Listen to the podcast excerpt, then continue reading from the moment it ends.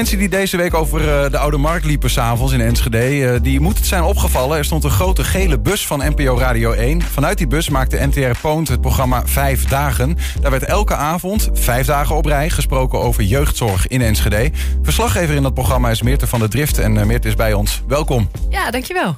Ja, en welkom... niet hier komen zonder dan ook even langs jullie te komen. Welkom in onze gele bus, zou ik zeggen. Hè? Ja, rode bus. Alleen, alleen, hij is dan inderdaad niet geel en het is ook geen bus. Maar goed, het is wel een radiostudio. Wat een ding is dat, even. Het is, is echt een soort van vrachtauto, toch? Jij ja. bent er langs gelopen. Ja, ik ben er langs. Nou, je, kan er ook, je, je, moet er bijna langs kruipen, want het is echt een hele flinke unit. En hij staat ook zo mooi tegen de ijsbaan aan. Dus dat zorgt uiteindelijk ook wel voor... Uh... Echt een groot ding. Ja, nou ja, ik kon er inderdaad niet... Ik heb hem ook gezien, ik liep er ook langs. En vooral s'avonds even naar binnen gespiekt. Jullie maken daar radio tussen acht en... Uh, Half, negen. Dat heb ik ook gedaan. Ga heel even spieken. Ja, ja.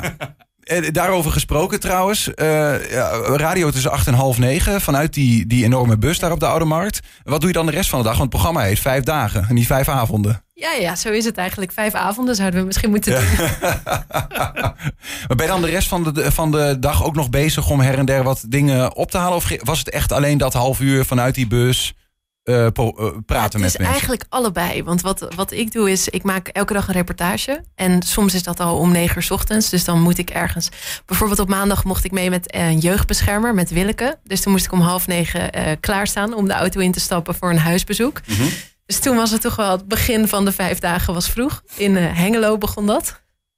En dan hoor je die s'avonds in de uitzending. Dus eigenlijk wordt die... S ochtends maak ik het en dan... Ja uiteindelijk hoor je hem dan s'avonds op de radio. Ja, je was wel echt vijf dagen bezig. ja, ja, ja. vijf dagen. Ja, ja. Uh, zo, zometeen verder, want je noemt al bijvoorbeeld hè, een jeugdbeschermer. Ja, hè, dat, dat is zo'n zo'n zo'n zo'n woord wat dan voorkomt binnen de jeugdzorg. Komen we zo verder over te spreken. Maar misschien toch eerst even Enschede. Bevallen, kwam je hier vaker of uh, hoe is het geweest? Nee, niet echt. Uh, wel een goede vriendin van mij die woont hier, maar ik heb nooit zo bewust om me heen gekeken. Ik vond het heel leuk. Zeker ook de binnenstad vond ik heel leuk. Maar ook hele mooie gebieden, juist wat meer buiten de stad. Nee, mm -hmm. het is goed bevallen, ja. Ja, mooi. Dan hebben we dat in ieder geval goed gedaan. Ja, nou ja, daarom. Want je, je zit toch ook in de binnenstad. En uh, maak je buiten het programma om? Maak je veel mee ook nog uh, in Enschede? Of is het gewoon s'avonds klaar, koffer inpakken, weer naar huis? Soms maak ik heel veel mee. Maar nu was het toch vaak wel echt uh, snel opnemen monteren in een koffietentje, uh, koptelefoon op, zo min mogelijk luisteren, kijken naar wat er gebeurt. En dan, uh, soms moet ik ook nog iets vertellen in de uitzending over als inleiding op de reportage. Dus ik heb weinig gezien. Ja, ja maar de koffietentjes waren goed. Ja. hey, we zien jou hier op de foto. Hè? Misschien goed om even te benoemen. Jij bent uh, dan de linker met de, de krullen. En rechts is Jo van Egmond. Jo van Egmond. Ja, voor uh, Radio 538 luisteraars uh, een bekende stem. Hè? Ja. Bij Koen en Sanders Show veel ge nieuws gelezen. Nu dus presentator van dit programma. Jij bent dan als verslaggever daarbij. Ja. Um, en jullie... uh, Ashwet El Milou die doet elke vrijdag. Kijk, de, die is dus vanavond aan de beurt. Ja, die zit er vanavond in die gele bus. Dus klop aan, niet te hard, maar je kan zwaaien. Ja, precies. Ja. En tussen acht en half negen daar kun je niet gewoon maar binnenlopen, denk ik, toch? Of is dat... Het wordt wel eens geprobeerd, maar okay. meestal is er dan wel wat drank in de man. Ja, hey. ja, ja, ja, ja, ja, ik heb op Urk wel eens gehad dat mensen echt aan die bus gingen schudden. En uh, Volendam was het volgens mij. Gingen ze echt dingen er tegenaan gooien. Ook wel eens vuurwerk en zo. Soms ja, liever niet binnen. Om acht uur, toch, om acht uur zijn de mensen toch nog niet beschonken? Is dat daar? Nou, ik, nou in Enschede niet meegemaakt? Er is wel behoorlijk op het raam geklopt. Hij is dus ook wel heel zichtbaar. Ja. En dan, dan waren jullie ongetwijfeld in gesprek over een thema dat raakt aan, aan jeugdzorg. Ja, deze hele week. Wat, wat is. Uh, jeugdzorg is. Ik, ik, ik ging dat even opzoeken, want ik dacht ook van ja, maar goed, ik heb wel groot misschien ja. heel groot. Uh, behelst van alles. Maar als je het in een notendop zou kunnen moeten samenvatten, waar hebben we het eigenlijk over dan?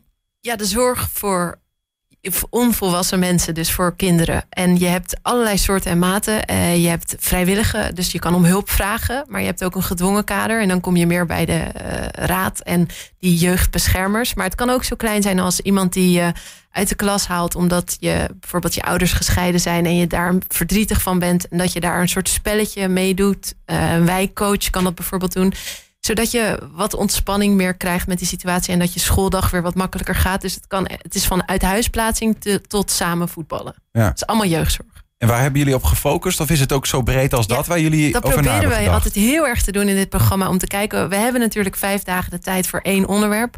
Om te kijken of we elke dag een ander perspectief kunnen. En zo persoonlijk mogelijk verhaal. Zo ben ik echt bij een jongen geweest die uh, begeleid woont. Dus die woont niet meer thuis. Zij uh, heeft wel een eigen studio, maar met begeleiding. Dus er is altijd iemand in de buurt die, die iets kan vragen. En ik ben echt op zijn kamer geweest. Dus zo klein, niet de wethouder per se of de burgemeester, maar liever op een, bij een jongen op de kamer die met jeugdzorg te maken heeft. De Enschedeers zelf? Ja, zo, eh, eigenlijk alleen maar. Is het dan uh, uh, alleen in Enschede dat jullie over jeugdzorg spraken? Want ik, Hengelo hoorde ik je net ook zeggen, maar in, in deze waar de bus nu staat en dat je volgende week bij wijze van weer ergens anders staat over een ander thema? Totaal ander thema. Volgende week zijn we in Eindhoven, kan ik je vast vertellen. Ja. En dan gaat het over de woningmarkt.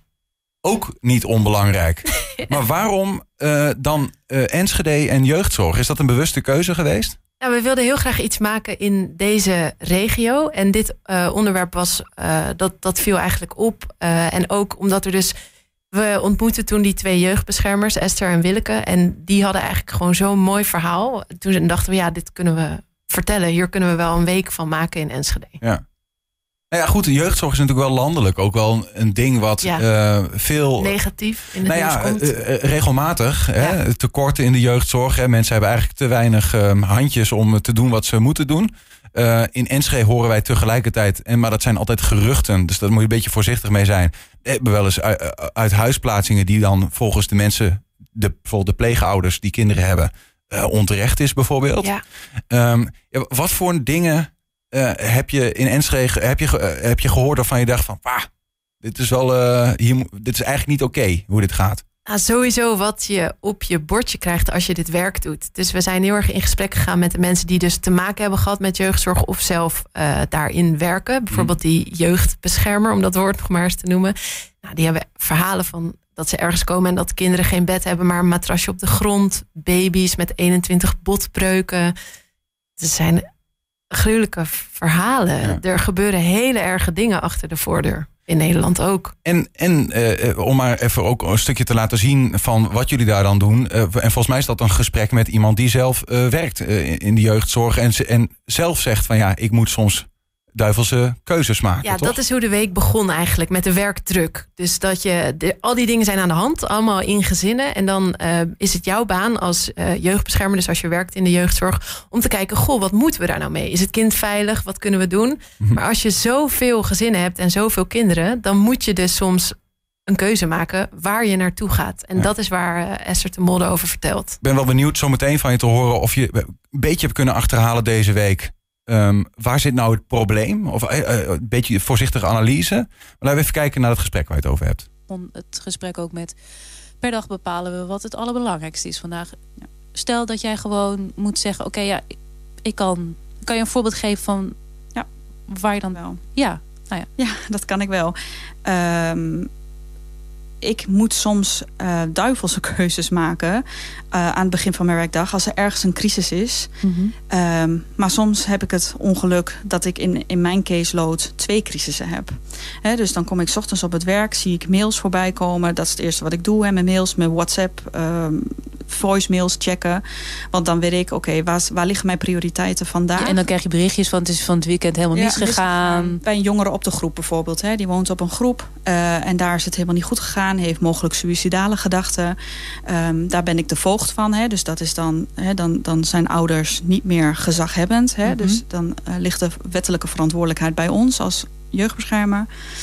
Um, dan is die crisis er. En er is ergens anders nog een crisis. Dan moet ik dus een duivelse keuzes ma keuze maken. Ja. Waar ga ik dan nu het eerst naartoe? En wat ga ik telefonisch dan maar afhandelen? Of uh, zorg ik dat er iemand anders dan maar in dat netwerk even daar naartoe ik, kan? Ik, ik terwijl ik bijna, er zelf naartoe wil. Ik durf het bijna niet te vragen, maar is het tot nu toe altijd goed gegaan? Dan? Bij mij gelukkig wel. Maar dat is dan gewoon geluk ja. eigenlijk ook. Ja. Dat durf ik best wel te zeggen. Met name omdat ik uh, ervan overtuigd ben. En ik heb het meerdere keren meegemaakt. Um, ik heb er ook wel eens een podcast over gemaakt. Daar heb ik ook over gesproken. Dat um, ik een keer een zaak heb gehad. Um, van een jongetje uh, van zes jaar oud. Die een VOTS, dat is een voorlopige ondertoezichtstelling... en dan mag het in het huis plaatsen. Dus dan is het acuut gevaar. Mm -hmm. uh, dus die, heb je meteen die maatregelen. Ik had toen, was ik beginnend jeugdbeschermer... en had ik een 50% caseload. Hè, omdat ik dan nog opbouwend was. Daardoor had ik meer tijd Omdat ik gewoon de helft van de tijd mocht investeren in de, hè, om, om in het werk te komen. Ehm, daarin leg ik ook uit omdat ik zoveel meer tijd had dan wat ik nu bijvoorbeeld heb voor een zaak, kon ik veel beter investeren. Uh, kon ik laten zien dat ik betrouwbaar ben. Kon ik laten zien dat ik mijn afspraken nakom. Kon ik veel meer daar in het gezin zijn. Zien wat de problematiek is. Vroeg signaleren waar het niet goed ging. Uh, in die zaak heb ik de jongen uit huis moeten plaatsen met crisis. Maar heb ik ook weer binnen een jaar teruggekregen in dat gezin. En ik zeg niet dat dit hè, in elke zaak zo zal gaan. Hè, want dat is natuurlijk heel afhankelijk van veel factoren. Mm -hmm. Maar ik ben ervan overtuigd dat als uh, ik in elke zaak dusdanig kan investeren... en dusdanig mijn gezicht kan laten zien... Uh, en dus de mensen ook beter leer kennen... Uh, dat ik ook zorgvuldiger mijn werk kan doen. Ja, ja kort gezegd, te weinig tijd eigenlijk om alles te doen. En soms letterlijk s ochtends moeten bepalen... welke crisis ga ik, ga ik aan. Waar, waarom wil je dit stukje laten zien? Pittige baan uh, wat je op je bord krijgt hiermee. En ook uh, wat ik heel erg voel in als Esther praat, ook die betrokkenheid. Uh, je voelt aan, aan, haar, je vroeg van wat gaat er mis? Nou ja, er gaat heel veel mis in de werkdruk en dat soort dingen. Maar er gaat ook heel veel goed. En wat me echt opgevallen is in Enschede is... alle mensen die ik heb gesproken, waar ik thuis mocht komen... die betrokken zijn in de jeugdzorg, vrijwillig of gedwongen... op wat voor manier dan ook, die ontzettende wil om dit te doen. Om betrokken te zijn bij die kinderen. Om te zorgen dat het beter gaat. Ja. Dus zo'n verhaal als... Uh, ja, er wordt zomaar een kind uit huis gepraat. Dat gebeurt niet zomaar. Ja, ja, ja. ja de, of, of iemand heeft niet genoeg tijd om het goed te toetsen. Ja, ik weet het niet, hè. Maar uh, het, het zijn natuurlijk bizarre ja. verhalen. Van dat, je, dat ouders denken, ja, maar wat doe ik dan verkeerd? Bij wijze van. Maar en, en hebben jullie het ook gehad over oplossingen over wat moeten we nou in Nederland veranderen. Of misschien wel in Enschede op lokaal niveau. Maar volgens mij is de wet op jeugdzorg een landelijke wet. Ja, Ik dan moeten meer mensen het werk gaan doen. Uiteindelijk. Meer mensen voor die. Uh, Zodat nou ja. er dus ook minder werkdruk komt. Uh, dat, het, dat het makkelijker gaat. Maar er zijn uh, nog, nog meer oplossingen te bedenken. Maar goed, dit maakt het niet aantrekkelijk natuurlijk. Nee, hè? hè? dus we moeten van dat slecht imago van jeugdzorg moeten we dan toch maar af. Ja. Ik dacht dat je iets wilde vragen, jullie al. Ik, ja, nee, ik, ik, ik, uiteindelijk uh, maak je veel onderwerpen mee. Nou, dit is één onderwerp wat je ja. eruit uh, uitlicht. Uh, hebben jullie ook in vijf dagen wel genoeg tijd om echt het onderwerp echt helemaal te behandelen? Of is het vlees net warm terwijl jullie net weg moeten gaan? Nou, ik vind het best chic om vijf dagen en een half uur over één onderwerp te kunnen praten. Vanuit dus al die perspectieven. Ja. Nu hebben we een minuut of tien. Dan moet het klusje geklaard zijn. Ja, dus dat, ik denk dat het een, een. Omdat we echt op die locatie zijn met Radio 1, met de bus. En ik als verslaggever helemaal bij de mensen thuis. Soms zitten we samen naast elkaar op het bed. Of uh, in de badkamer waar schimmel is. Ja, je maakt het allemaal mee hier. Dat, je, dat, het wel, dat het lukt om iets van het verhaal te vertellen. Maar het kan altijd meer. Zijn er ook echt dingen geweest waarvan je echt zegt: dit, uh, dit, dit, nam ik mee naar huis. En dan moet ik het ook even delen van mijn lieve, wat ik vandaag ben tegengekomen. Uh, we hebben het misschien allemaal wel eens meegemaakt. Ik had het een beetje bij dit fragment. Dat je ochtends op je werk komt en dat je moet kiezen. Er zijn twee crisissen en ik kan er maar één doen. Dat lijkt me echt een heel zwaar gevoel. Het gaat over een leven van een kind. Hè? Over iets, die kan niet voor zichzelf beslissen. Die heeft een ouder of een voogd of iemand nodig. En dat vind ik dan, dan ben je wel heel kwetsbaar als kind. Vanavond de laatste, Meerte. Ja. Uh, wat kunnen we nog verwachten om uh, acht uur bij jullie? Vanavond uh, wordt, een, wordt een mooie uitzending met een wijkcoach. Die zit in de bus bij Ashwet. En ik ben langs geweest op een basisschool. En heb ik gezien, ook samen met een kind van negen zijn we, hebben een soort van spelletje gedaan over wat die wijkcoach eigenlijk doet. En uh, die vertelde ook heel mooi, hij helpt me eigenlijk bij als ik een beetje boos ben of verdrietig, omdat mijn ouders zijn gescheiden, dan uh, helpt wijkcoach Tim mij.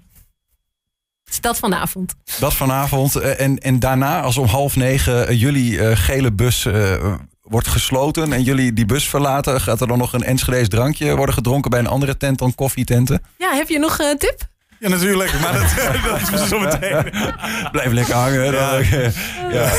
ja nou zeker. Nee, die, volgens mij, jullie staan uh, midden in het, ja, uh, waar het gebeurt. Dus uh, nee, aan alle kanten zijn er mooie tenten. Hey, dankjewel, Mitte van de Drift, dat je even bij ons wilde langskomen om te vertellen over wat jullie doen. En ja, wat jullie leuk. hebben gedaan. En dat het maar mag bijdragen aan een mooiere wereld en een mooie Enschede. Precies. Dankjewel.